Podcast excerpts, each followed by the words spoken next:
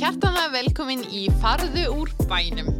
Riðtöfundirinn og aktivistinn, hún Silja Björk, kom til mín til að tala um líkamsvirðingu og body positivity í samfélagið. Slæm líkamsýmynd er eitthvað sem að margir hafa að díla við á einum tímapunkti eða öðrum. Silja kom með marga góða punta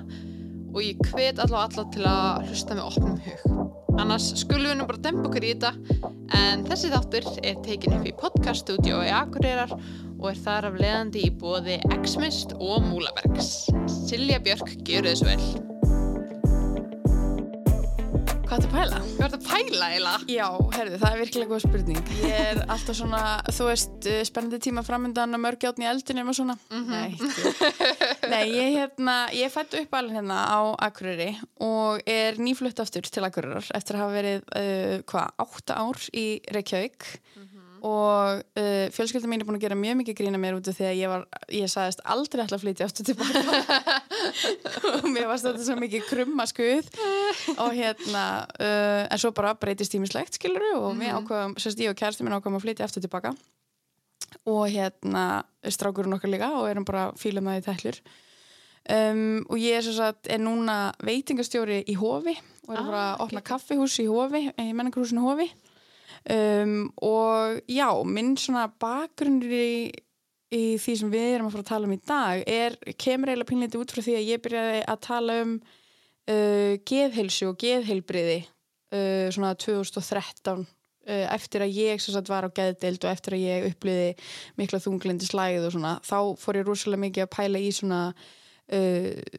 já, bara geðheilsu og þessu geðbatteri og bara svona hvað geðheilsa er og bara, þú veist, erum við ekki öll með geðheilsu og allt þetta. Og svo var það eiginlega bara svona alveg óvart að ég álpaðist út í þetta body positivity líkams uh, jákvæða líkamsmynda samfélag að því að ég uppliði svo ótrúlega sterka svona líkamsdysmorfi svona ég aftengdist líkamannu mínu svo mikið eftir ég átti bann og þú veist, jújú, jú, auðvitað hefði ég eins og ég held 99,9% stelpna og margir strákar líka.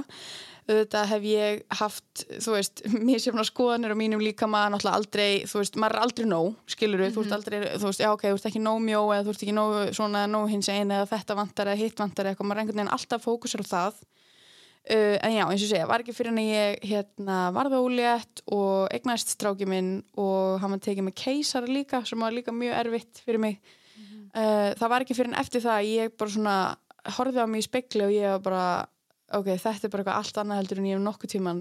upplifað, þú veist ég hafði alveg upplifað það að vera fyrir fram að speinu og vera bara, herri, nú það er gamla að fara að dríja sig í ræktina bara ég sé eitthvað hérna. En þú veist, ég eftir fæðinguna eftir keisaran þá fór ég bara í styrtum slögt ljósið út að ég bara meikaði ekki að sjá mig í spekli skilur við, af því ég Já. bara svona horfði á þessu stelpu og ég bara, ég hef ekki humdi hver þetta er sko, ég veit ekkert hver þetta er bara hvað þessu ókunnuga kona að gera í mínum húsum skilur við og mér fannst svo ótrúlega lítið talað um þetta sérstaklega út frá þú veist, óléttu og fæðingum af því að allt í kringum það á að vera svo frábært og á að vera svo æðislegt og þú ert að vera svo þakklátt og þú ert að vera bara svo hamingisum og allt það en það gleymist að pæla í því að það geta verið tveir hlutir eða þrýr hlutir eða fjóru hlutir eða hundra hlutir í gangi í einu. Þú veist, á sama tíma og ég var ógeðslega hamingisum og ánægð og fegin að þú veist, það var hægt að taka hann með keisara og við dóum ekki bæði í þessari fæðingu og bara ég var ógeðslega glöð að fá hann í hendurnar og bara, þú veist, elska að vera mamma, þá get ég líka á sama tíma verið að upplifa neikvæða tilfinningar sem koma barninu ekkit við, skilur og koma, þú veist, uppeldinu eða bara fóreldarhluturkinu ekkert við. Og það er svo ótrúlega tabú í fyrsta lega að tala um geðhilsu og í öðru lega að tala um allt sem að fylgir óléttu meðgöngu fóreldarhluturkinu og öllu þessu úti, þú átt að vera bara á bleiku skí bara konstant, en það er bara ekki þannig, skilur Algjörlega, það er, er mjög skemmtilegt að segja þetta af því að bara að þessi þáttur kemur út sko já eftir hinnum en í gær var ég að taka upp þátt um meðgöngu þunglindi Já, við ok. unniðinu þannig að Já, ef þið eru ekki búin að hlusta hann þeir eru að hlusta á þennan. Nei, bara skemmtilegt að þetta að skemmtileg punktur sko að hérna, þetta er mjög, mjög, mjög, mjög, mjög satt og, Mhm. og alveg rétt að þetta sé svona pínu tabú, að þú veist maður heyrði ekki að þessu þegar maður lítill maður bara eitthvað ólita þá, þá ég verið í blómanum mm -hmm. skilur mm Nákvæmlega og þú veist og mér fannst svo mikilvægt að ég fengi þú veist bara andrými og tíma uh, til þess að bara svona ok, það er kannski aðstæðanlegt að segja sirkja en þú veist, fá bara tíma til þess að bara, ok, þú veist það er ekki til neitt sem heitir eitthvað snap back, eitthvað svona, það er ekki til neitt sem heitir uh, back to uh, pre-baby body eitthvað svona djöfisis Hollywood kæftað og vittlisa, skiluru mm -hmm. þú veist, við erum allar jafn mismunandi og við erum margar og ólétta uh, er fyrstulega ekki sjálfgefið, skiluru og í öðru lagi bara fer mismunandi í fólk, skiluru og það á ekki að vera eitthvað svona veist, þetta, er svo, það, þetta er það sem að mér fannst svo veist. Ég heiði alls konar eitthvað svona, það var einn sem sagði við mig eitthvað, já, herru, róaði eitthvað, þú varst nú í nýju mánuði að rækta þetta bara, þú getur nú bara tekið nýju mánuði til þess að verða mjó aftur. Og ég bara, já, ok, auðvitað ég hef bara nýju, já, já, ég tek bara nýju mánuði svo bara eftir nýju mánuði þá er ég ennþá með batna brjósti og bara í fullum skóla og bara þú veist, ennþá líka ég að ná mig saman eftir keisaraskurð. Og ég var ekki orðið mjó og ég bara, oh my god, shit, ég er bara ræðileg, ég er bara hörmuleg, skiluru. Og það er, það, er, það er svo mikið þetta, veist, það er alltaf þessi krafa um að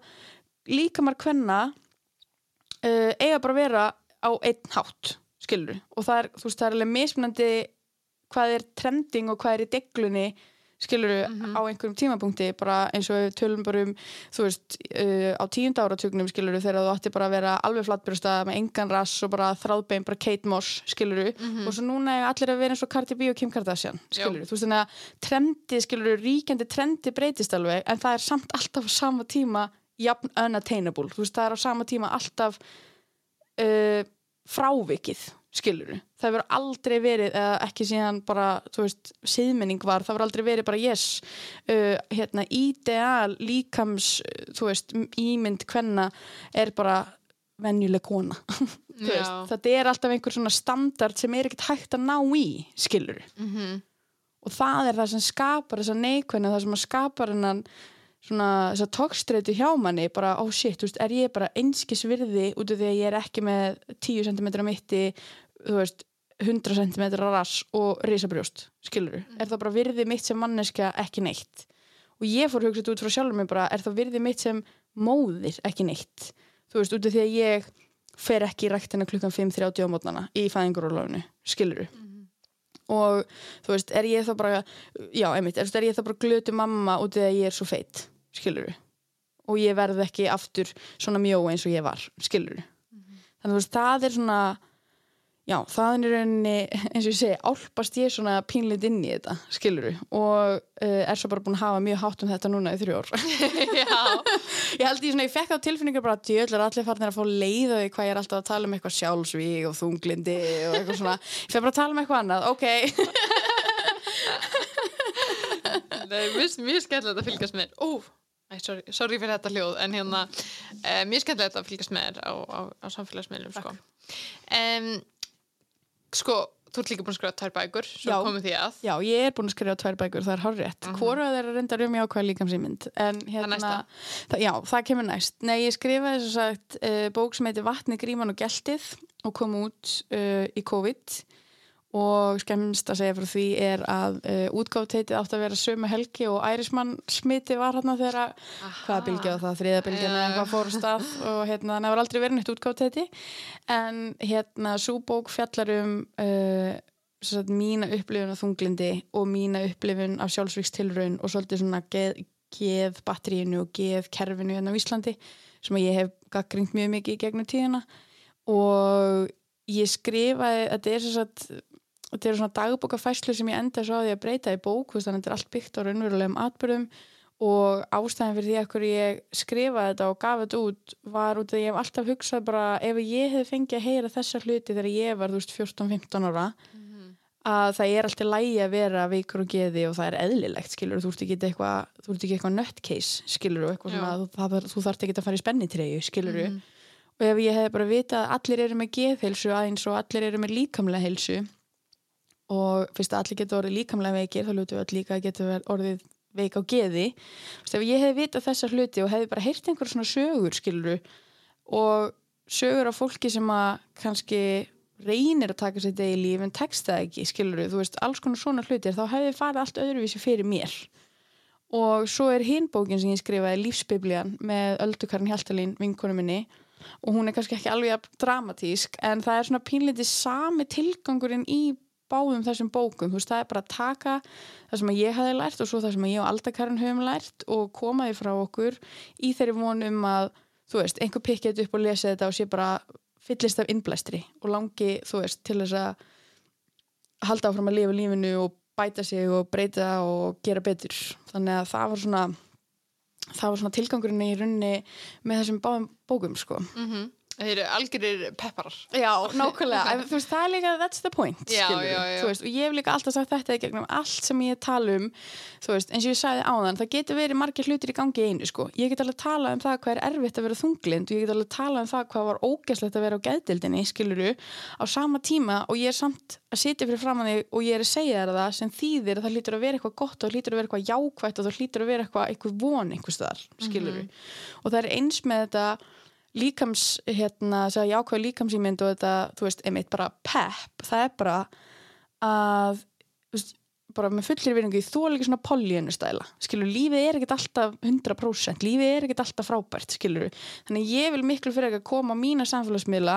og segja við mína fylgjendur bara, herðu, þú veist, í dag vaknaði ég bara og mér finnst þess að feit og ljót og ómöguleg og ég er að drepast á þunglindi og bara lífið sökkar, en hei, ég ætla samt að fara í vinnuna ég ætla samt að standa upp og fá mig kaffi skilur, ég ætla samt að gera hlutina veist, og sína fólki sérstaklega á samfélagsmiðlum að þú veist, við erum ekkert öll alltaf í blúsandi glansmynd í Sky Lagoon með kampaðinn og þú veist, súkulega og jarðabir, skiluru það þarf, þú veist, það er ekkert filter á venjuleg lífi, skiluru Já, já, já. og mér finnst það svo mikilvægt og ég vil vera partur af, þú veist, ég vil vera partur af þeim hópi áhrifavalda, skiluru Já, já sem sýnir þetta bara eins og þetta er og er ekkert að fela sig að baka einhverja glansmynd. Nákvæmlega og þetta hef ég sagt frá því að ég held sko TED fyrirlestur í Hörpu 2014 og þá var ég að tala um uh, hérna sjálfsvíð og þunglindið og veist meiri segja þá 2014 skilur þá var ég að pæla bara það er svo veist við erum með þetta tæki, við erum með samfélagsmiðla við erum með þessa tengingu sem við höfum við bókstælega alla heiminum skiluru en hvað gerum við við þetta? Uh, já, hvað hljópi ég mikið í hátteginu hvað fekk ég mér að borða þú veist, við sínum alltaf við snýðum alltaf bara eitthvað svona gull jakka í kringum þetta skiluru í stað þess að segja líka bara frá því þegar það er erfitt og þegar það er mannlegt skiluru og ég sagði þetta, þú veist, í TEDx-ræðin ég var bara, hvers vegna erum við alltaf að keppast við að, þú veist, sína einhverju myndir eða hvað við vorum að taka í back eða hvað við vorum að hlaupa mikið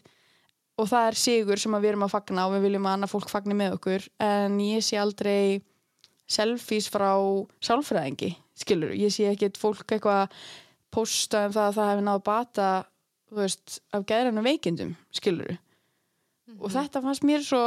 veist, þetta meikar ekki sens fyrir mér Nei. skilur meikar ekki sens fyrir mér að,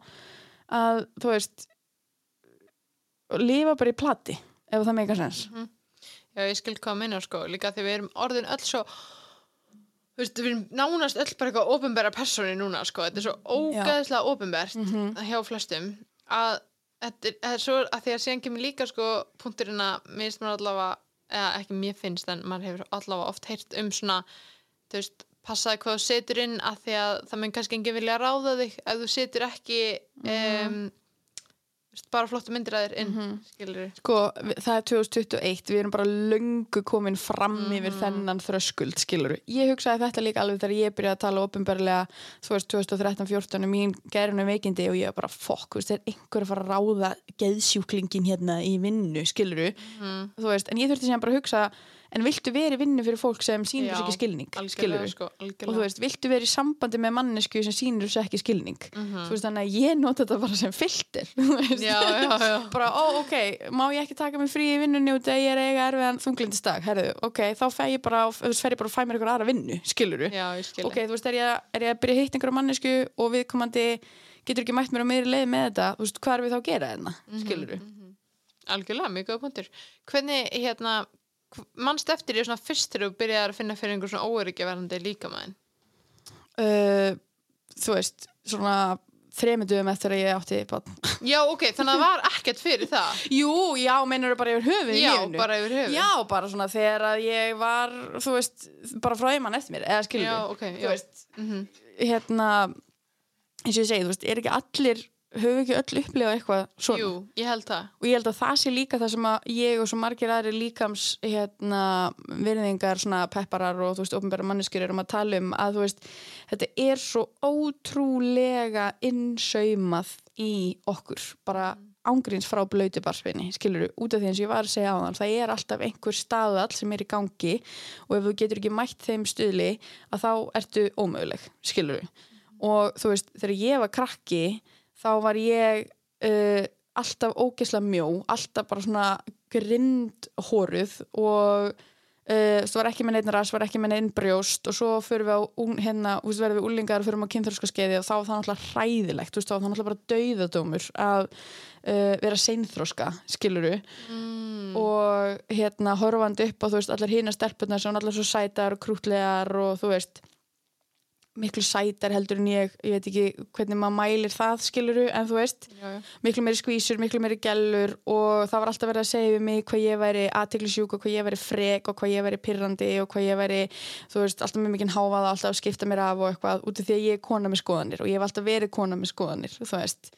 og strákar skilur 14 ára strákar nenna því ekkert. Nei. þannig að þá er ég bara, já ok, veist, ég er bara ómöguleg. Og svo er ég alveg flatbrjóstað í þokkabót og svo er ég ekki með neittna rassi þokkabót, bara þú veist, ég hlýt að vera bara eitthvað, hlýtur bara að vera eitthvað að mér. Og þú veist, ég var alveg uppnefnd plankin, skiluru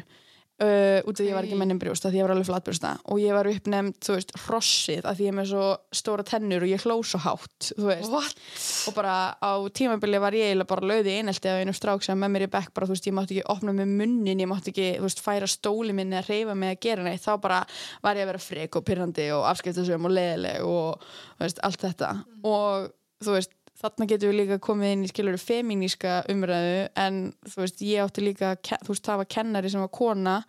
sem að var alveg sammála þessu henni fannst óþólandi að stelpuna töluðu svona mikið og þær voru alltaf að tala alltaf mikið og þú veist, en strákarnir skilur þeir máttu bara gera basically fuck all skilur Já. þú veist, Já. þannig að ég hef alltaf verið ógislega óörug með líkama minn og eftir því sem ég eldist því sorglegra finnst mér það Já. að því að síðan sé ég myndir af mér þar sem ég var að sko drepast úr þunglindi og ég gæti ekki borðað sko eina möndlu skilur ég hafði enga matalist og bara leið ógeslítla og var ekki að hugsa vel um sjálfa mig uh, en var samt mjóri skilur ég innan gerðslapa og ég sé þess að myndir af sjálfur mér í dag og ég er bara what the fuck, bara ég man eftir ég hafa staðið lítandi svona út fyrir fram að speilin vera að klípa einhverja ímyndaða fytu og tala niður til mín og segja mér sjálfur mér hvað ég væri ómöguleg og ljót og feitt og ég væri einskis virði, skiluru Mhm. og þú veist, þá var ég með miklu lærri BMI stuðul og þú veist, var miklu mjóri og var í minni fatastærið og bla bla bla. En ég var ekkert heilbriðari, sko hvorki á líkamanni sál. Það er líka það sem er svo fucked up við þetta allt saman er að við erum ennþá 2021 þú veist bara fyrir hvað mánuði síðan var Evert úr Biggest Loser að segja já ég er með fytufórduma út af því að mér finnst feitt fólk allt vera óheilbrygt og fólk sem er yfir ákveðin BMI stuðul er bara óheilbrygt ég er yfir þessum BMI stuðuli sko. Ég er fyrir ræktina 5 sinum í viku. Þú veist, ég tek 80 kíló í réttstöðuliftu ég borða holt, ég reyfi mig, ég fyrir út að labba. En út af því að ég er með BMI stuðul something or other er ég bara feitt Mhm. og ómöguleg. Skilur þetta er skilabóðin sem við fáum. Mhm. Algjörlega þessi BMI stöðlega líka þetta er bara að kæfta það skilur ef maður ekki að byrja, sko ef það er eitthvað sem maður ekki að byrja sér saman við þá er það þessi stöð En svo er það sjúkasta við þetta er að þetta er bara nota af læknum í dag. Þetta er ekki einu sinni orðið eins og í sálfræðinni þar sem að, þú veist, sálfræðingar kenna ekkert fröyt lengur af því að það er bara búið að uppgöta það. Að þetta bara er batsins tíma og er bara, þú veist, stendst ekki skoðun í nútíma samfélagi, skiluru þannig að það er bara búið að taka þetta út af dagskrá skiluru, já, já, já, þú veist, þú ert ekki alltaf að hugsa um það hvað viljið sofa hjá mömmuðinni fattaru, en BMI stuðullin þú veist, það er ennþá bara læknar hjúkunarfræðingar og bara öll maðuraverndin snýst um þetta og BMI stuðullin og BMI og BMI og BMI og ég veit ekki hvað og hvað sko. Já, já. þú veist, þú veist og Já, ég, þú veist, ég, þannig að e, þekki til um, stelpum daginn sem var hérna bara langt kominasti með átröskun Mhm. en hún var ennþá innan BMI-stuðilsins akkurat. Þannig að þá átti þetta að vera í lægi var ég hef alveg já. ég var á nákvæmlega sama stað þegar ég var, þú veist, rækti henni fimm sinum að dag, borðaði kannski þrjár möndlur og drakk vatn og var að dreipast úr þunglindi, skiluru og ég mitt var alltaf að keppast við einhverja ímyndaða fytu og einhvern fucking BMI stuðul og einhverja fytuprósentu og eitthvað láta einhverja enga þjálfur að klípa mig, skiluru að hérna, eins og ég segi, þú veist, þá var ég ekkert heilbrigð, skilur, ég var ekkert heilbrigðari þó að ég liti ákveð á út á ákveðan hátt og þó ég væri mældist á einhverjum stuðli þú veist, já, fyrir ofan átröskunina, þá var enginn að pæli því bara, ok, en þú veist, en ertu búin að borða eitthvað í dag, skilur, Já. hvað ertu að hugsa inn í haustum að þér, þú veist, hvað er í gangi í alvörunni, nei, við erum bara að horfa okkur Excel-skjál með einhverjum tölum og af því að þá færðu út einhvern stuðul, það bara, herra okkur flott, skilur við, þú veist, og ég var alveg í fjartþjálfun hjá mjög þekktum engaþjálfura og ekki miskilum ég hef ekkert á móti engaþjálfurum, skilur við, ég, fer- Nei, ég, fer- ég fer oft til engaþjálfura, skilur við, Mhm. og bara, þú veist, ekkert á móti þessu fólki, get ekki sagt eitthvað um heila stjætt, en ég var hjá mjög þekktum einhver þjálfur á tímabili í fjárþjálfun og líkams skömmunin sem átti sér stað þar bara er fáránleg, þú veist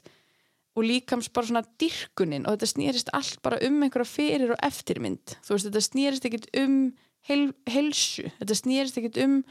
að gera fleiri reps eða lifta þingra eða hlaupa lengra, þetta snýrist bara um það að basically skúltúra líka mann ákveðin einn ákveðin hátt svo þú getur postað á samfélagsmiðla er ég misti hérna svona mikið að kílóum horfið á mig, horfið á mig, samþykkiði mig samþykkiði mig, skilur Mhm. þú veist, ég fekk skammir fyrir að drekka sótavatn og ég fekk mér einu sinni brauðsneið, skilur þú veist, þetta var bara, eh, þú veist, krakkar og það, Ha? já, og það er það sem er svo leðilegt við þetta og þess vegna til dæmis lendir body positivity í samfélaginu svo oft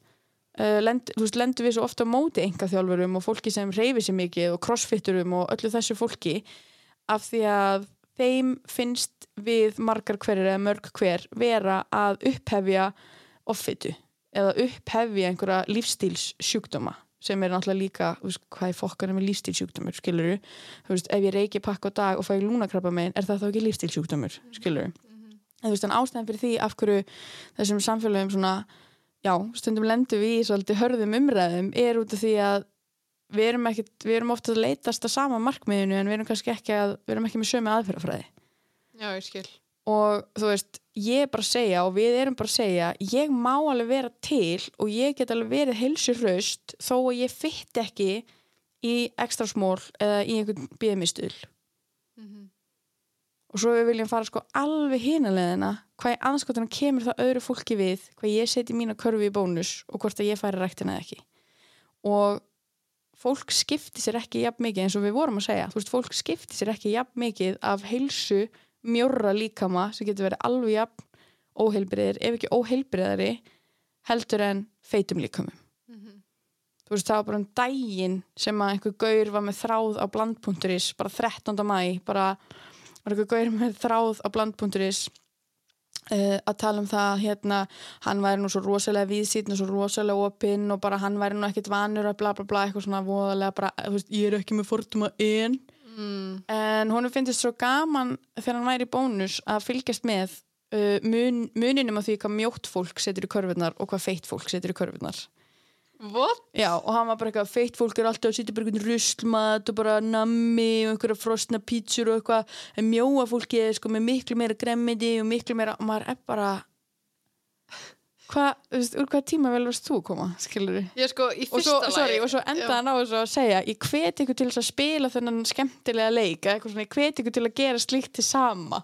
Oh my god. Þetta var sko, og ég sko, ég þurfti að, ég var bara blandpunkturins, þetta lítur að vera síðan 2007 eða eitthvað. Nei, það var bara 13. mæ 2021, ég bara, hvað í fókan er í gangi? Oh my god. Sko, ég ætlaði að að segja í fyrsta lagi, hver notar þetta bland.is? Sko, absolutt í fyrsta lagi, hver notar þetta blandpunkturins? Vá, ok. Já, þetta er, þetta er allt, það er allt áhugavert við þessa sögu. Já, einmitt. ok. Svo margir ángar, svo margir Já, ángar. einmitt, ég er með svo marga spurningar einhvern veginn, ég veit ekki eins og hverju á að byrja, sko. Ok, já, þetta, einmitt, þetta er mjög áhugavert, sko. Þú veist, eins og þessi maður, segjum sér svo að hann hefði séð eina mjóa mannesku setja frosna pítsu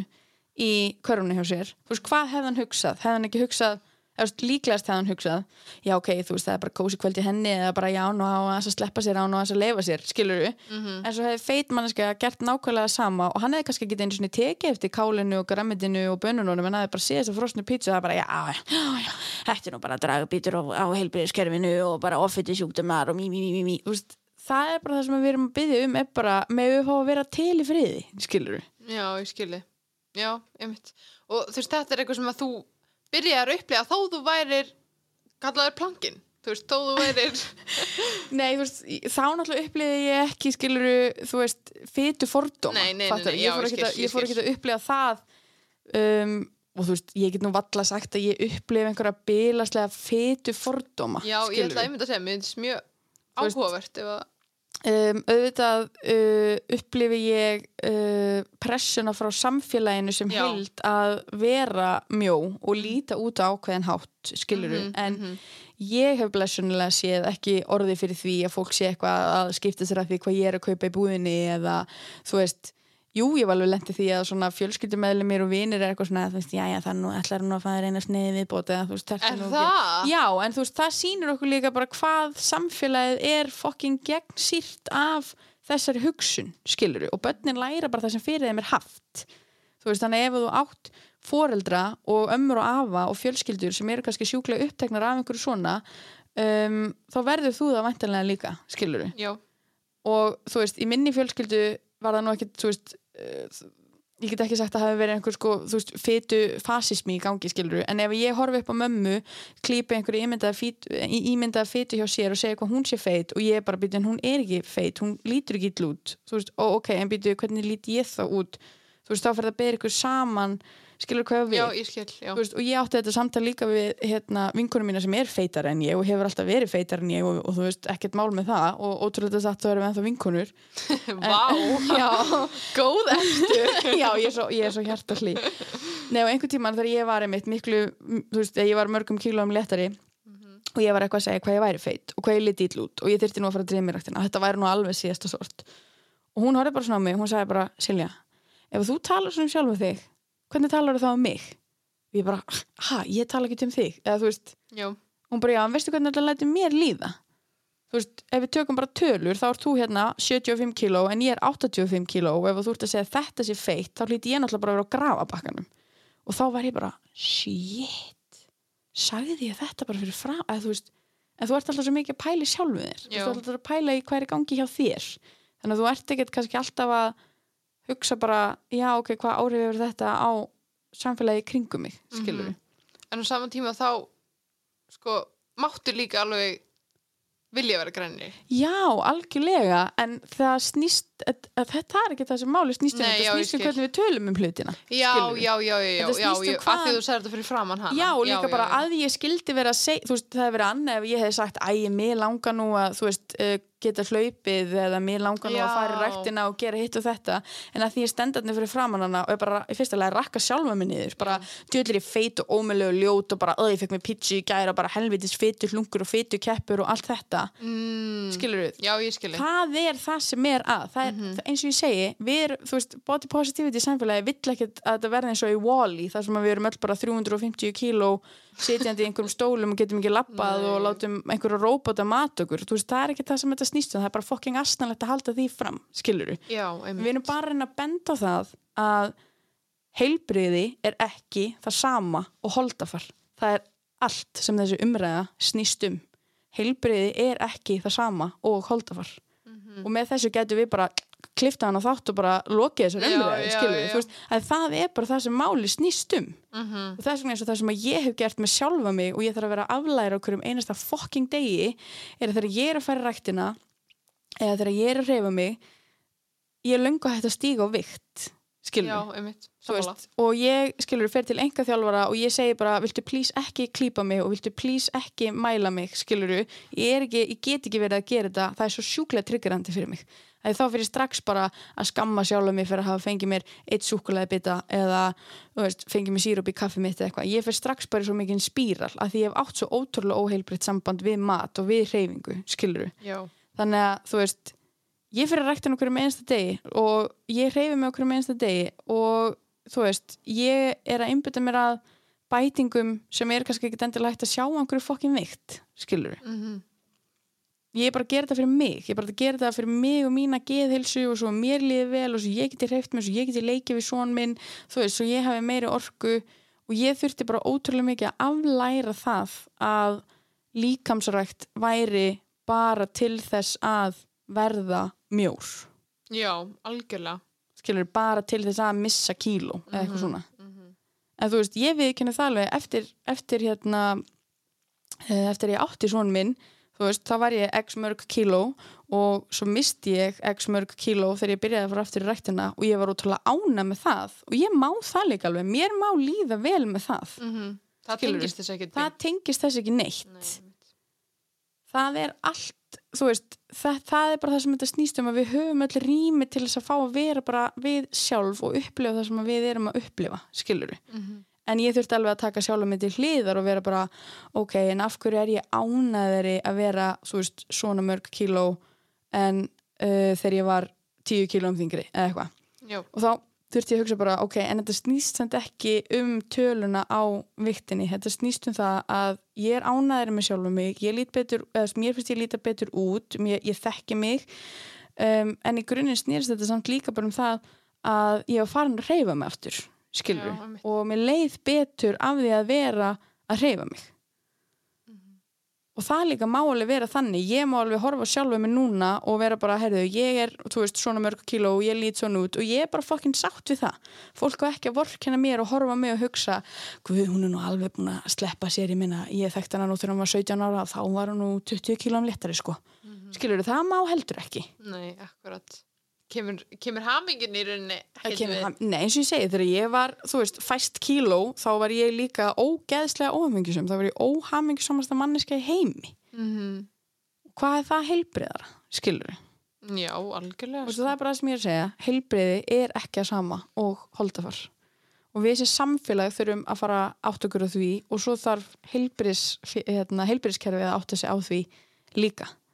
Þú veist, þetta er eins og þegar ég var ólétt, þá var ljósmóður sem ég var með alveg gasilega upptekinn af þingdina minni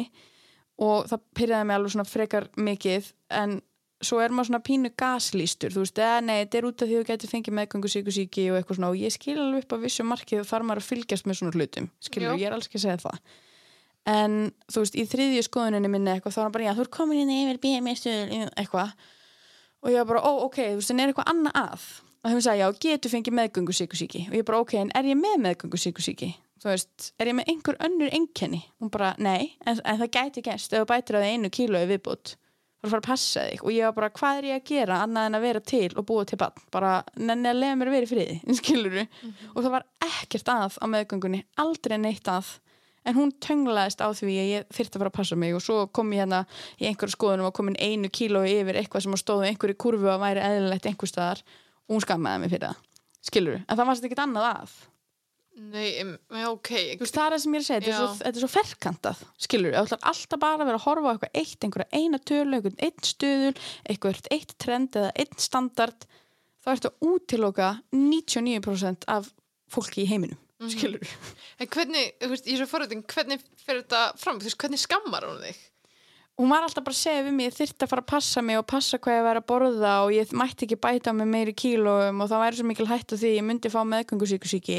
og ég var náttúrulega bara svo hrætt, þú veist, verandi óleiti fyrstu skipti, ég bara, ó, þú veist, ok, er ég með einhver önnur einkenni? Hún bara, nei, nei, nei, þú verður bara að passa, það verður ekki feitari þá Já. gætir þú fengið meðgöngusíkusíki og ég eitthvað, ok, en þú veist er það eina dæmið, skilur fá allar konur sem fara yfir þennan blessaða stuðul meðgöngusíkusíki, skilur Mhm. Já, ég skil hvað minnur. Og þú veist, hvernig einhvern veginn, hvernig finnst þér, þú veist, fordómar vera byrtast, hver er svona, ge- get ég spurt, þú veist, hvernig eru algengustu fordóman er að koma fram í samfélaginu eins og það er núna? Vá, góð spurning um, Sko, ég þekki stelpur sem að e, eru þingri heldur en ég og lítið öðruvísi út heldur en ég um, sem að hafa bara fundið það á eigin skinni að fólk er bara ógeðslega ljótt og eins og bara með þennan gauður í bónus, þú veist, fólk hefur alveg fengið sér knúið til þess að stoppa þessar vinkunum mínar bara á förnum vegi og reksa og peksa í þeim, bara eitthvað ókvæmut fólk skiluru, að segja við þær að þær þurfa að fara að taka sig á og þær þurfa að fara að þú veist, gera eitthvað í sínum málum og þetta er svona komið út fyrir öll velsamismörk og þú veist, ertu nú vissum allar að fara þess að pítsusneið og eitthvað, og einn stelpa sem ég þekki uh, talaði um það á Instagram og hún var á balli eitthvað út í sveit og var kýld að því hún var feitt ha? og svo snýr, snýr vinnurinn að sér við og segir akkur varst að kýla hana? Við gaurin sem kýld hana. Og hann bara segir ekki hún er fucking feit. Skilur þannig að þú veist ég er ekki að segja að þetta sé algengasta Nei, byrtinga með nei, tvituforduma en þú veist, þetta er alveg til í samfélaginu. En það er bara uh, ég held að algengasta byrtingamyndin sé að um, þú veist, sé þetta að það að þú sért ákveði mörg kíló og, og tala nú ekki með höfur skilur bætt á þig frá því einhver tíman áður að þá sértu svona búin að sleppa þér. Þá ertu, þú veist þá þarf nú eitthvað að fara að fylgjast með og þá þarf nú bara já, þú veist hún, já, hún er nú alveg bara búin að sleppa sér hún er nú 20 kílum þingri en þegar hún var þetta gummilega bara, þú veist, að ég skilur hvað við veist, það er þetta svona, það er, það er basically bara það að fólk heldur að holdafar sé það sama og helsa og þá finnst fólki það knúið til þess að skipta sér eitthvað af því, skiluru Jú. og fara að vera með einhverjar hérna, uppskrifta, þú veist, keto umræður við þig, skiluru, sem er bara svo fárunlegt að því eins og segi, það er alltaf þessi eini stuðull sem er í gangi og það er yfirleitt mjó kona, skiluru, og mjór maður í einhverju ákveðnu formi, alveg sem að hvort að rassin er stóra eða brjóstin er lítil, skiluru en þú veist ég meina munum við einhvern tímann eftir því okkar lifandi lífi eða aftur í aldir að það hefur verið ókslega mikið tísku að vera feitur, nei. Og þetta er alltaf lífstilsjúkdómar og þetta er alltaf uh, veist, offitu sjúkdómar og offeitt fólk og offita og of mikið og, og svona, þú veist, já, þarf að fara svona, hvað segir maður, svona polísa þetta, þú veist, það þarf að fara að hafa það þarf að fara að skipta sér af einhverju. Af því að það er bara svo mikil einföldun á því hvernig líkamar eru og hvernig líkamar virka og líka hvernig líkamar breytast skiluru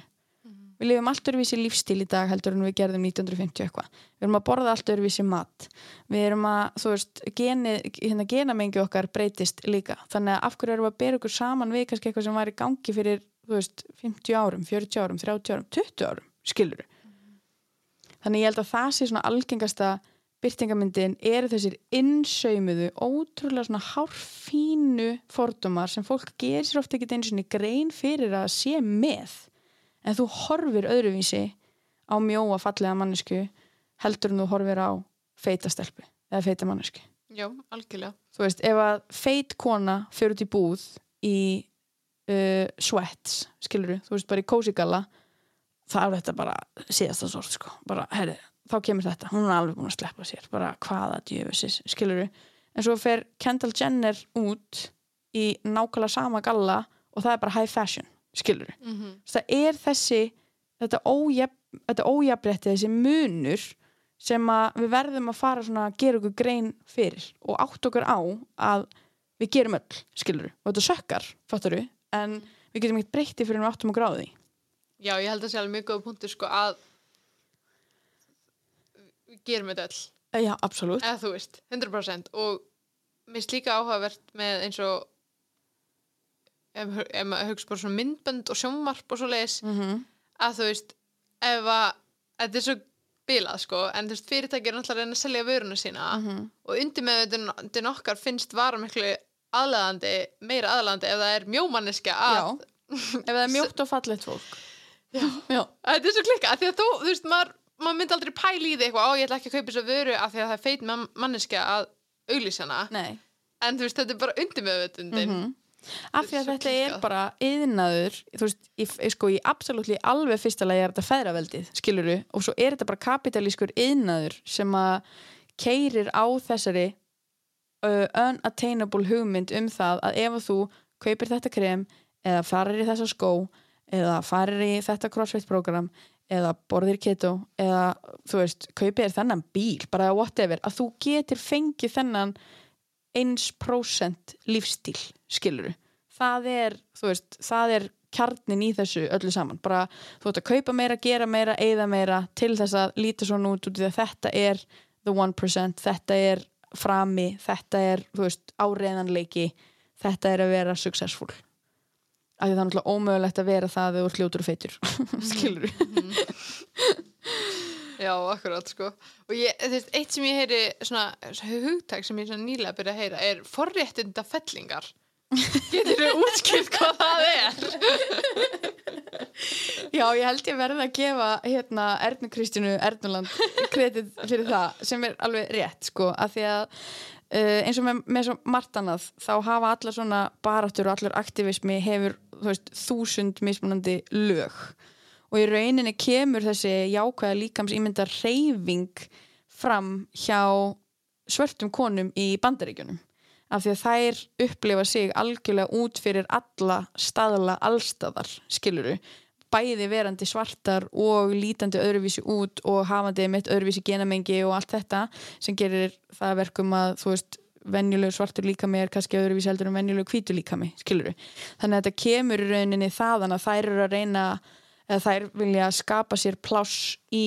uh, tískuheiminum og í trendheiminum og í þessu bara með því að segja bara, herru, þú veist, það er ekki bara til líkami, skilur, við erum líka til, við erum líka valit, við megum líka taka pláss og það er allt í lægi og svo er það sem að eh, eins og svo gjarnan gerist er að hvíta fólki tekur þetta yfir og pínleiti egna sér þetta. Og ég vissi þetta ekkert alveg veist, það er bara mjög stutt síðan ég kynnti með þetta bara hvaðan kemur sér hreyfing skilur, hvaðan, hvaðan koma koma allir þessi frasar og allt þetta dót.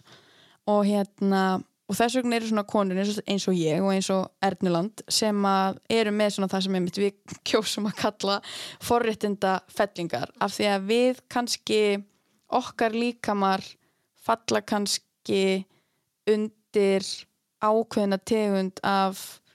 samþyktri fegurð eða veist, til dæmis að því að við erum báðar búin að eiga bann, skiluru mm -hmm. að þá föllum við kannski undir einhverja um, já, ákveðna tegund af samþyktri fegurð uh, fremur en kona sem er kannski 150 kíló mm -hmm. þú veist, eða er öðruvísi feitt, eða lítur öðruvísi út, skiluru og við hérna og þegar ég segi við þá meina ég, ég og Erna og Stelpur sem að lítum mjög svip út og ég og Erna, þú veist, okkur sem að vorum að fá svona ótrúlega mikinn hljómbir, þú veist, hvað er Erna með marga fylgjendur, skiluru, mm -hmm. við sem að vorum að fá svona ótrúlega mikinn meðbyr og ótrúlega mikinn hljómgrunn, við vildum líka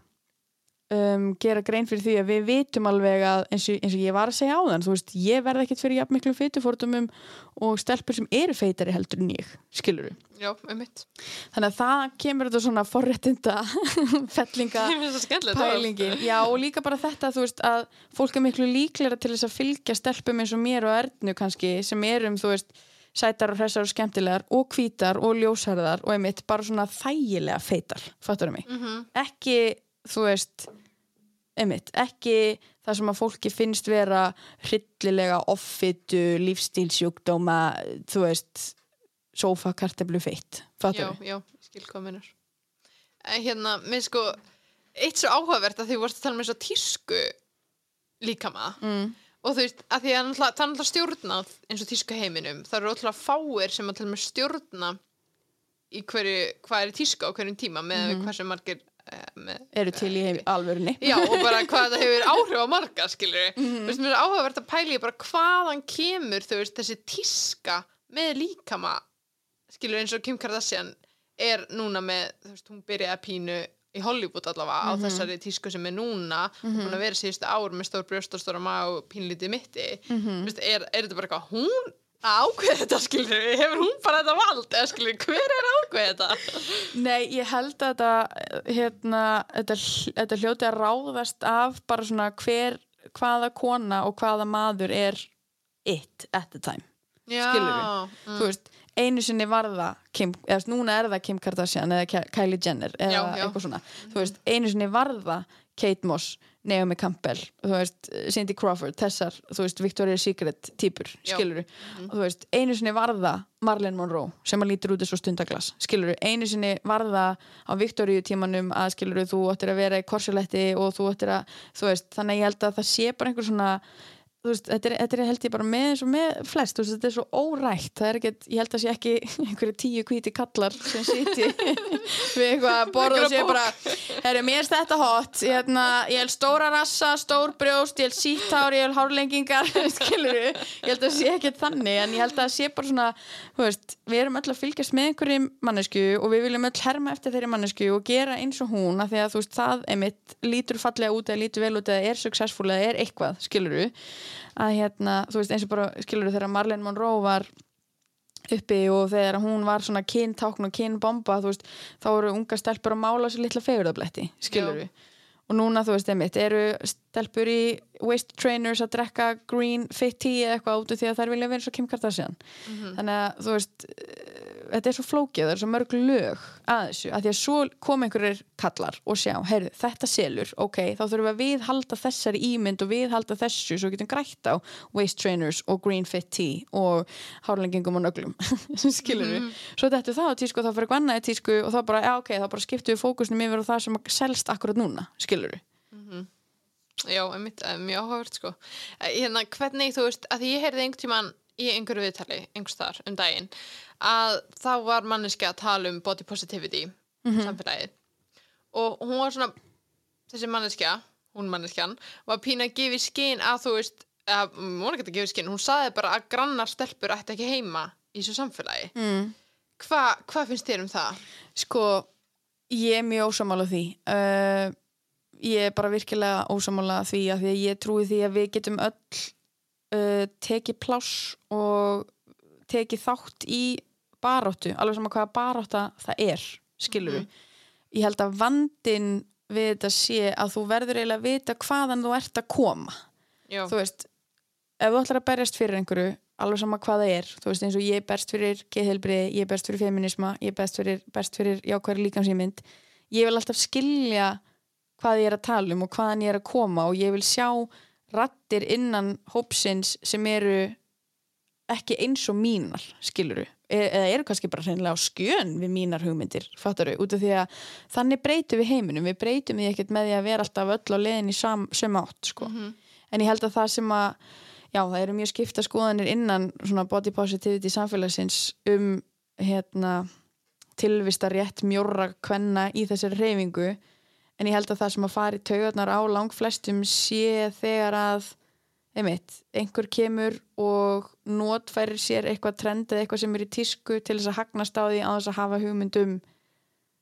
hvað máli snýst um í alvörunni skilur, bara út af því að þú sér það á TikTok að það er eitthvað trending eða þú sér það þú veist, fólk er, er að taka þátt í einhver umræðu og þá vilt þú aðeinslega mikið fara að inserta þig í þá umræðu til að fá fylgi en Já. þú ert kannski ekkit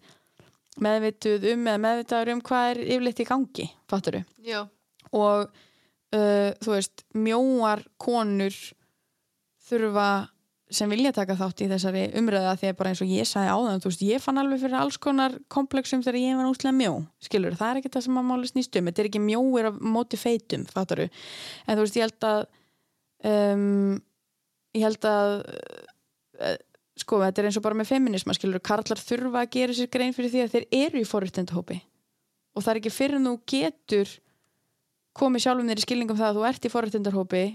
að þá getur þú farið að taka þátt í baráttunni, fattur við þannig að, þú veist, nákvæmlega eins og ég og Erna vitum að við erum með forréttindafellingar og líka erum hvítar og erum í millistjætt, skilur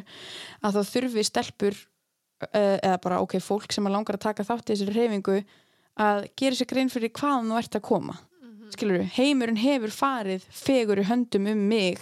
heldur en konu sem er 150 kíló og er svört eða er lituð eða er fátæk skilur eða er frá Palestínu eða eitthvað, þú veist, við þurfum að gera okkur grein fyrir öllu þessu og við þurfum að gera okkur grein fyrir svona þessum intersectionality, þú veist, hvað er þetta skarast. Af því að ég get alveg tilheyrt minnihlutahóp og forréttindahóp á sama tíma og það er ekkert að því, sko, það er eðlilegt það er intersectionality, þar skarast hlutinir á skilur og ég er bara persónlega á þeirri skoðun að ef þú ætlar að vera mér er alveg sama um hvað þú ert að tala eða fyrir hverju þú ert að berjast. Þú veist, ef þú ætlar að vera með yfirlæti og neikvæðni og tala niður til fólks þá ertu aldrei að fara að fá fólk með þér á þitt band. Þá ertu aldrei að fara að áorka því sem þið langar að áorka af því að þá nennir fólk ekki að hlusta þig ef þú ætlar alltaf að þykjast vera betri heldur en allir aðrir og vita betur heldur en allir aðrir þá er fólk rosalega fljótt að hit unfollow sko Þetta er bara eitt takki. þetta var eitt ekki make or break Nei, já, mjög góða punktur, sko. En, en veist, er þetta þá meira svona grannastelpur meg að vera með þessari baráttu, að þínum að þið, ef það er að berjast fyrir fytufordumum, fyrir feitt fólk, þetta er ekki, ég er að spyrja, sko, er þetta ekki þeirra sagt, þær geta ekki verið með því að berjast fyrir því að sína bara sinn líka með, hann er ekki alveg Kendall Jenner líka með skilur, hann er líka með þú veist, einhver sem einhver myndi kalla okkur svona krútlegar fellingar, skilur, eða eitthvað fattar, ég er bara svona forvitin. Já, þú veist, þetta er virkilega góða punktur og ég held að sé ekki eitt rétt svar við þessu þannig séð, skilur af því það er svo líka geðveitt erfitt að vita bara en hvaðan ert að koma, skilur Einmitt, þú veist, þú getur ekki að sé hvaða stelpu sem er á Instagram eða TikTok og fara eitthvað að spurja hana út í hvað henni finnst í lífinu, skilur þú veist, þannig að hérna en mér finnst samt alveg valið punktur að ræða það að það eru líka til stelpur sem að líta út þessu Kylie Jenner sem eru bara með sjúklega mikla kompleksa já, sérstaklega ólingstelpur sérstaklega úlingstelpur, bara nákvæmlega sem ég var að tala um á þann þegar ég horfi á þessar myndir af mér og ég hugsa bara, ok, þú ert alltaf að hugsa bara, akkur er ég ekki mjó, akkur er ég ekki mjó? Akkur get ég ekki verið mjó, ég, þú veist, ég ætla að kaupa mér nýja buksur þegar ég er mjó eða þú veist, ég mun skipta máli þegar ég er mjó eða eitthvað, svo sé ég myndir af mér þegar ég var actually mjó og ég bara djúsis fucking klikkun, þetta hefur alltaf verið svona. Mér hefur alltaf liðið svona, ég hef alltaf hatað sjálfa mig, ég hef alltaf talað niður til sjálfra mín og ég hef alltaf fundið einhverja ástæðu til þess að elska sjálfa mig ekki, skilur Mhm. og ég get alveg tekið undir það og gúttir að það að nánast allar konur finna fyrir einhverjum svona komplexum skiluru og af hverju ekki að hleypa þeim inn í jákvæða líkamsýmynd og hleypa þeim inn í samfélagið og fræða þær um uh, ströggl annara kvenna með annars konar líkama sem að þær geta svo líka gert tilbaka við okkur skiluru Mhm. Þú veist, við græðum bara á því að vera fleiri og hafa hærra út af því að það sem að kapitalismin vill og það sem að feðraveldi vill og það sem að ríkjandi hugsunin hvítu miðaldra kallanir vilja, skiluru er að halda öllum þessum minnihlutahópum aðskildum út af því að ef við myndum öll taka okkur saman og segja niður með þetta drastl þá myndu þeir tapa, skiluru en þeir græða á því að eða ok, ekki þeir, en feðraveldið og feðraveldið sögsunni, þú veist, græðir á því að konur hati sjálfa sig og konum líði illa með sjálfa sig og séu uppteknar af því um, hvernig er lítið út og hvernig er komið fram og það sé einhvern veginn sama sem virði þeirra í samfélaginu af því það heldur okkur niðri, skilur og það er bara þú veist, það er bara sannleikur. Þannig að því fleiri sem taka þátt því, því fljótar verður breytingin. Það er allavega mín skoðun af því að, þú veist, eins og ég segi við, við erum öll að ströggla með eitthvað skilur við við erum öll að gangi gegnum eitthvað. Við höfum öll upplifað á eigin skinni einhverja fordóma eða einhverja eða ok, kannski ekki allir en flest. Veist, við höfum öll upplifað eitthvað misrétti í gegnum tíðina, skilur við, og af hverju megum við ekki fá hljómgrunn fyrir það misrétti sem við höfum orðið fyrir? Og af hverju getum við ekki sest á móti hverju öðru og sagt, herru, hérna er það sem ég hef upplifað og ég held að ég hef upplifað það af því að ég er x og x og x og x og x. Ég hef ekki upplifað x og x og x af því að ég er ekki svört eða ég er ekki svona eða ég er ekki hins einn og þá getur hinn manneskan komið og sagt, herru, já, merkreit, ég hef nefnilega upplifað alltaf hluti. Og þannig getum við talað saman og þannig getum við fundið eitthvað sameilan flöt til þess að fleita mannkyninu áfram í stað þess að standa alltaf út í sitt hverju hotninu og þú veist, vera með eitthvað svona gatekeeping skilur, nei þú mátt ekki vera með út af því að þú mátt ekki vera með, skilur, þá erum við aldrei frá áorkaninu, það er allavega mín skoðun. Algjörlega sko og mér finnst líka oft vanta kannski fræðslu fyrir eins og úlingstelpur og ég segi stelpur að því að stelpur ganga í gegnum þetta uh, kynþróska skeið á saman hvort þessi snemma eða seint. Og fyrir ekki, ég ætla líka bara að bæta við það er auðveldara fyrir mig og þig að tala um reynslu Já. kvenna vegna þess að við erum konur, það þýðir ekki að ég sé að segja að karlar finn já, ekki fyrir þessu. skilur já. ég vil bara það komið mjög skýrt Já, já, fram já, að auðvitað 100%. erum við bara að tala út frá okkar reynsluheimi, skilur algjörlega En ef einhver kall myndi koma til mín og segja við mig, heyrðu, ég hef upplifað þetta, og þetta og þetta varandi líkamsmynd, þá myndi ég trúa því og ég myndi bjóða hann velkomin og ég myndi leifa hann um að taka þátt, skilur 100% mjög gott að þetta komi fram og eins og ég segi, ef ég væri með kallmann hérna á móti mér í stúdíunu sem er vonandi verði með einhvern mm. að tala um líkansverðingu þá er þetta náttúrulega allt annað Akkúrat. samtal og það er bara frábært sko. Akkurat. en já, að því að þú veist, mér var svona ja, já, ég veit ekki hvort sem mér finnst en það er bara það er ekki, var allavega ekki nóg mikið fræðsla um að þeirra úlingstelpu byrja að gangi gegnum þetta kynþröska tímabil þá er bara svona nánast gerum tíð að þær bæti á sig mm -hmm. fytu Mm og uh, þú veist, magafytu sérstaklega. -hmm. og ég held að svo margar, þetta er svo sorglegt en ég held að svo margar, þú veist ég held að þá sé það sé tíminn sem að mjög margar byrja að efast um sjálfum sig og sína líkams virðingu Já, ég, ég skil alveg hvaðan þú ert að koma en ég held að þetta byrji miklu, miklu fyrr. já, já, já, já, þú veist, alveg verið Um leið og þú byrjar bara að átta þig á hlutunum í kringum þig og taka eftir hlutunum í kringum þig þegar þú ert bann, skilur þá fer þetta allt bara síjast inn já, og þú ert kannski ekki eitthvað meðvitað sex ára að hugsa, já, feitt fólk er ógætlegt, skilur Mhm. en ef þú sérð alltaf bara, og þetta er bara representation matters, skilur ef Mhm. þú sérð alltaf bara hávaksi hvít fallegt fólk allstaðar, þá hlýturu að setja saman sem merki þar á milli að skilur það sé það sama og árangur eða, eða velgengni, já, skilur ég skil. Og svo verður þetta auðvitað meðvitað þegar þú verður meðvitað, meðvitaðari sem manneskja og einmitt ferða pæla í kyn, hérna, kynlífi og líkömmum og útleiti og öllu þessu sem er bara eðlilegt að gerist á kynþróskaskeiðinu en svo getum við líka bara að tala um það að það er bara engin fræðsla eða allavega var það ekki mín upplifin í grunnskóla það er nú komið nokkur ár síðan ég var í grunnskóla. En uh, ég hef oft hugsað út í þetta allt saman bara hvað í anskotunum vorum við að gera að læra þú veist fokkin skiluru diffrun og píþagórsregluna og ég veit ekki hvað og hvað en það var ekki verið að kenna okkur um geðhilsu það var ekki verið að kenna okkur uh, skattkísluna skiluru, þú veist það var ekki verið að kenna okkur neina haldbæra uh, veist, haldbæra eiginleika haldbæra skills, skiluru til þess að fokkin vera manneskja og taka þátt í lífinu, það er svo margt sem að maður þarf alltaf bara að læra eitthvað svona sjálfu sér skiluru, sem að sökka svo mikið, þú ert búin að vera að burðast kannski um með fullt af einhverjum vandamálum og hugsunum inn í hausnum og er bara, herri, shit, ég er eina manneskjan sem að hefur nokkuð tíminn hugsað þetta, bara ég er eina manneskjan sem er að upplega þetta. Og svo með tilkomi samfélagsmiðla þá fyrir við kannski að opna okkur um þetta og þá maður bara, herri, já, nei, ég er bara ekkit, ég veist, ég er ekkit eina manneskjan sem hefur upplegað þunglindi, skilur ég er ekkit eina manneskjan sem hefur hort á sér speklið til fæðingu og verið bara who the fuck is she, skilur en ef við erum alltaf bara inni í okkur sjálfum og við vitum ekki að megi tala um hlutina, þá verður þú veist, þá verður aldrei einn breyting úr fattaru,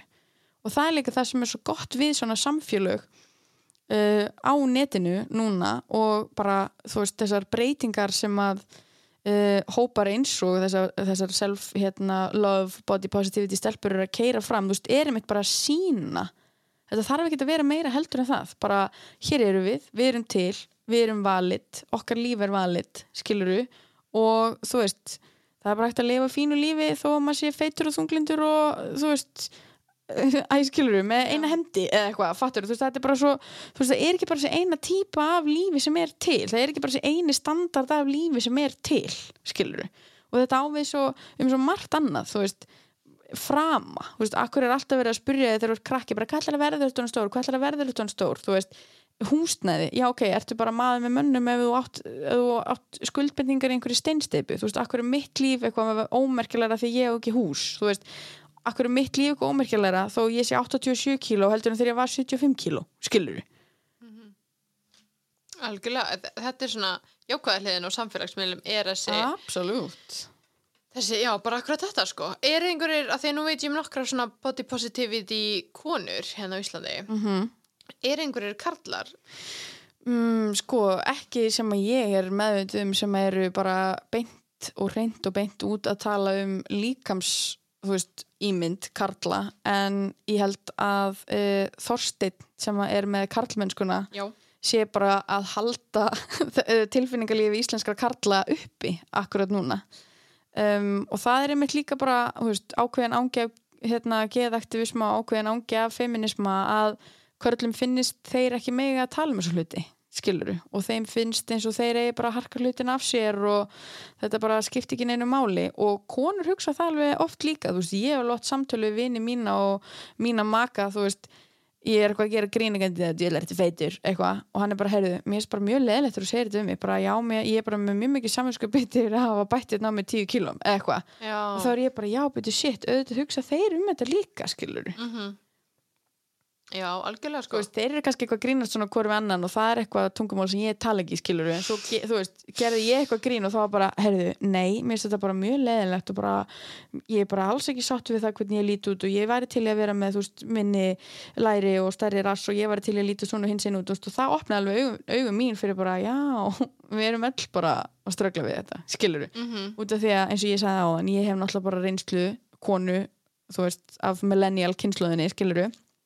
en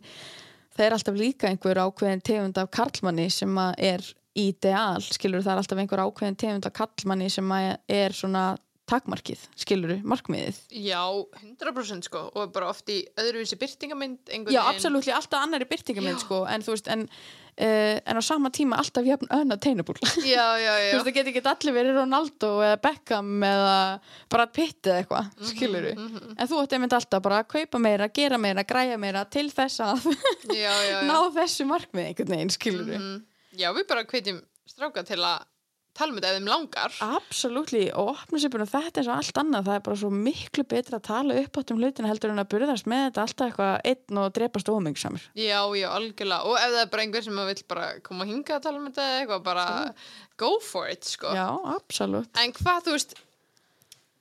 hvað finnst þér að við getum gert núna einhvern veginn til að breyta þessu? um, Við þurfum í fyrsta lagi bara að halda áfram og ekki gefast upp og ég tek undir það sem að Erna Kristín uh, Ernuland hefur sagt að það þarf að kenna jákvæða líkamsýmynd og það þarf að gera það bara við börn þegar þau eru ung. Við þurfum einhvern veginn að gera eitthvað til þess að sportna við þessari vestrænu Hollywood útlitt styrkun og þessum veist, stöðlum sem eru í gangi skiluru Já, og ég trúi því bara að allar veist, allar litlar breytingar eru bara múrstennar í stærra hús sem við erum að byggja, skilur veist, eins og Erna gerði uh, sem hún skrifaði bók fullkomlega ófullkomin þar sem hún var að miða af konum af, veist, öllum stærðum og gerðum og öllum aldri, sem var æðislegt og frábært. En mér varst einhvern veginn ennþá meiri negla þegar hún tók þetta niður í badnabók, skilur já, og þú veist, og ég kaupi þessa bók fyrir hérna, svon minn og er að lesa hana og þar er þetta bara á sko algjöru barnamáli, fattaru ekkert verið að tala um neitt kynferðislegt eða þú veist, ekki neitt svoleiðis heldur bara líkamar eru mismunandi. Og þá erum við ekkert bara að tala um eitthvað feitir versus mjóir, við erum að tala um bara sumir eru með svona nef og sumir eru með rautt hár og sumir eru með freknur og það er ekkert að því skiluru og ég held að við þurfum bara að fara veist, og þetta hef ég líka sagt með geðaktivismann í hundrað ár bara það þýðir ekki fyrir okkur að vera alltaf að berjast við vandamálin þegar þau eru orðin að risastórum vandamálum. Við þurfum að fara miklu framar í röðina sem eru krakkarnir, sem eru börnin og fræða fólk uh, fræða börnin fræða fólk og, og vinna þannig að því að gera kynnslóðunar betri þú veist, jújú, jú, það er alveg hægt að kenna ákveðnum tegundum af hundum, gömlum hundum að sitja, skilur, ég er ekki að segja það. Um, og ég held að okkar kynnslóðir verði betri því að skipta um skoðun heldur en kynnslóðunar á undan okkur. Ég ætla bara að segja það. En hérna, þú veist, ég vil bara sjá allt svona bara í grunnskólana, skilur Já, 100%. þú veist, hins einn fræðsluna geðfræðsluna, líkamsveringarfræðsluna uh, hérna uh, kynþáttafórdama þú veist, allt þetta allar hliðar mannlegar tilvistar sem ger okkur að einstaklingum og ger okkur að því sem við erum er eitthvað sem við þurfum að læra í grunnskóla.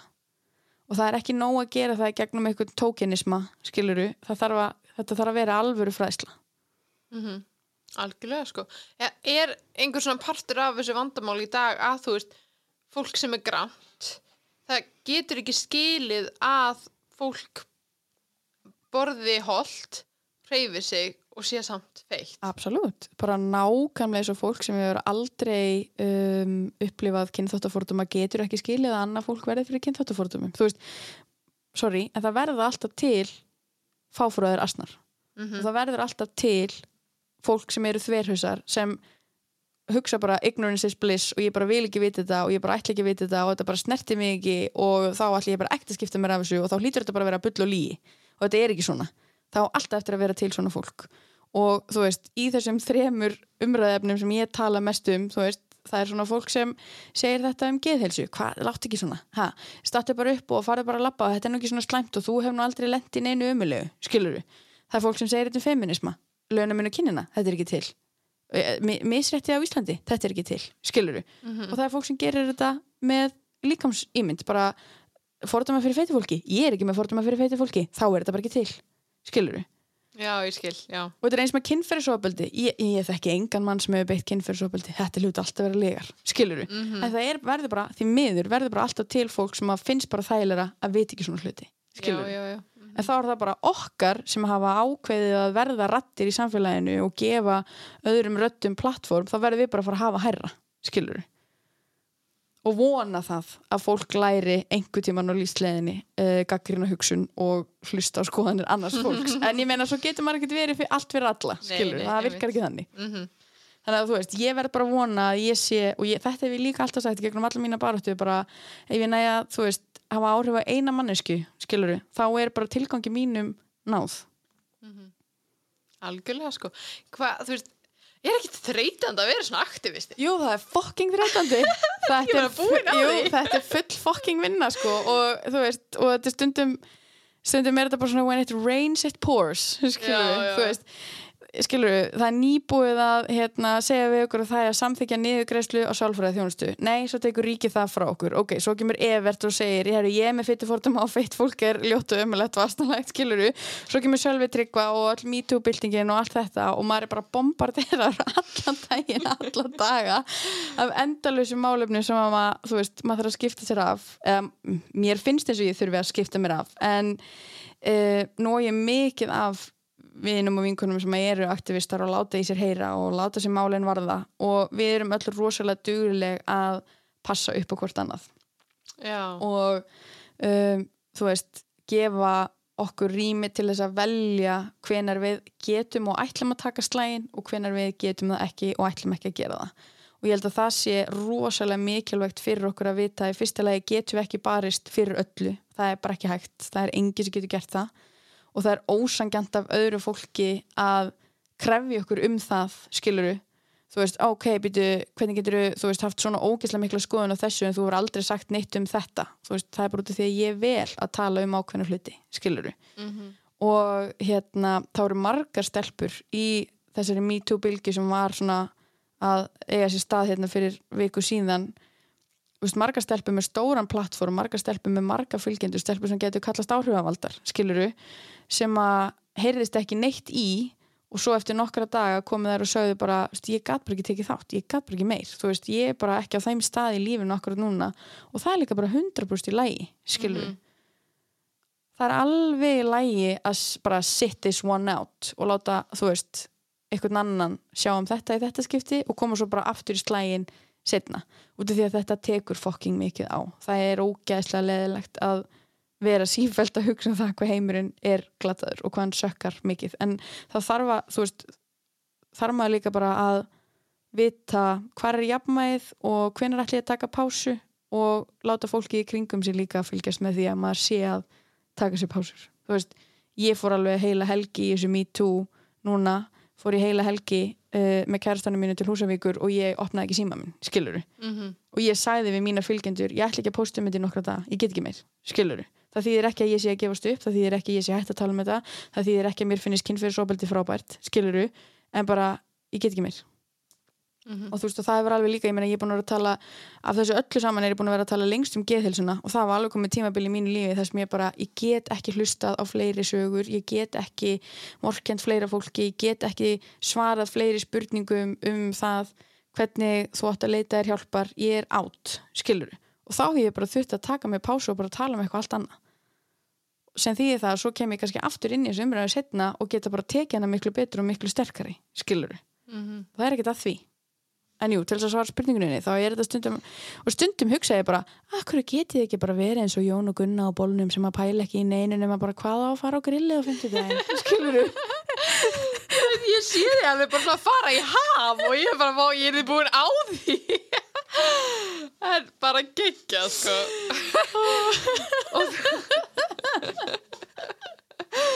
Úf, ég skilji vel að þetta taki á, sko. En en mér langar samt líka að segja að þú veist, ég vel þetta. Þú veist, ég Já. vel að gera þetta og ég vel að taka þátt í þessu. Það þýðir samt ekki að það með ekki vera erfitt skilur einmitt. en þú veist, mín réttlætiskend og mitt, þú veist, minn persónleiki og mitt bara mín gildi í lífinu eru bara þessi. Þú veist, það er bara að breyta og hafa áhrif á fólkið í kringum mig til þess að gera heimina aðeins betri stað og það blæðir út í allt sem ég gerir hvort sem það er að skrifa bók ein eða með öldukaren eða alveg són minn eða tala við vinni mína eða tala við fjölskylduna mína eða vera með 2200 fylgjendur á Instagram, skiluru ég, þú veist, bara allar götur síðan að ég kom út af gæðdeldinni 2013 eftir ömurlegustu viðbjörslegustu lífsreynslu sem ég hef nokkuð tíman á æðminni upplifað. Og ég hugsaði bara, það lítur að vera einhver fucking tilgangum með þessu öllu saman. Þú veist, fyrst að mér tókst þetta ekki fyrst að ég er ekki dáin þá lítur að vera einhver fucking tilgangum með þessu og ef að tilgangurinn er bara að gera heiminn 1% betri þá er ég bara sátt sko Algjörlega. Bara vel gert, ég er þakklátt fyrir það.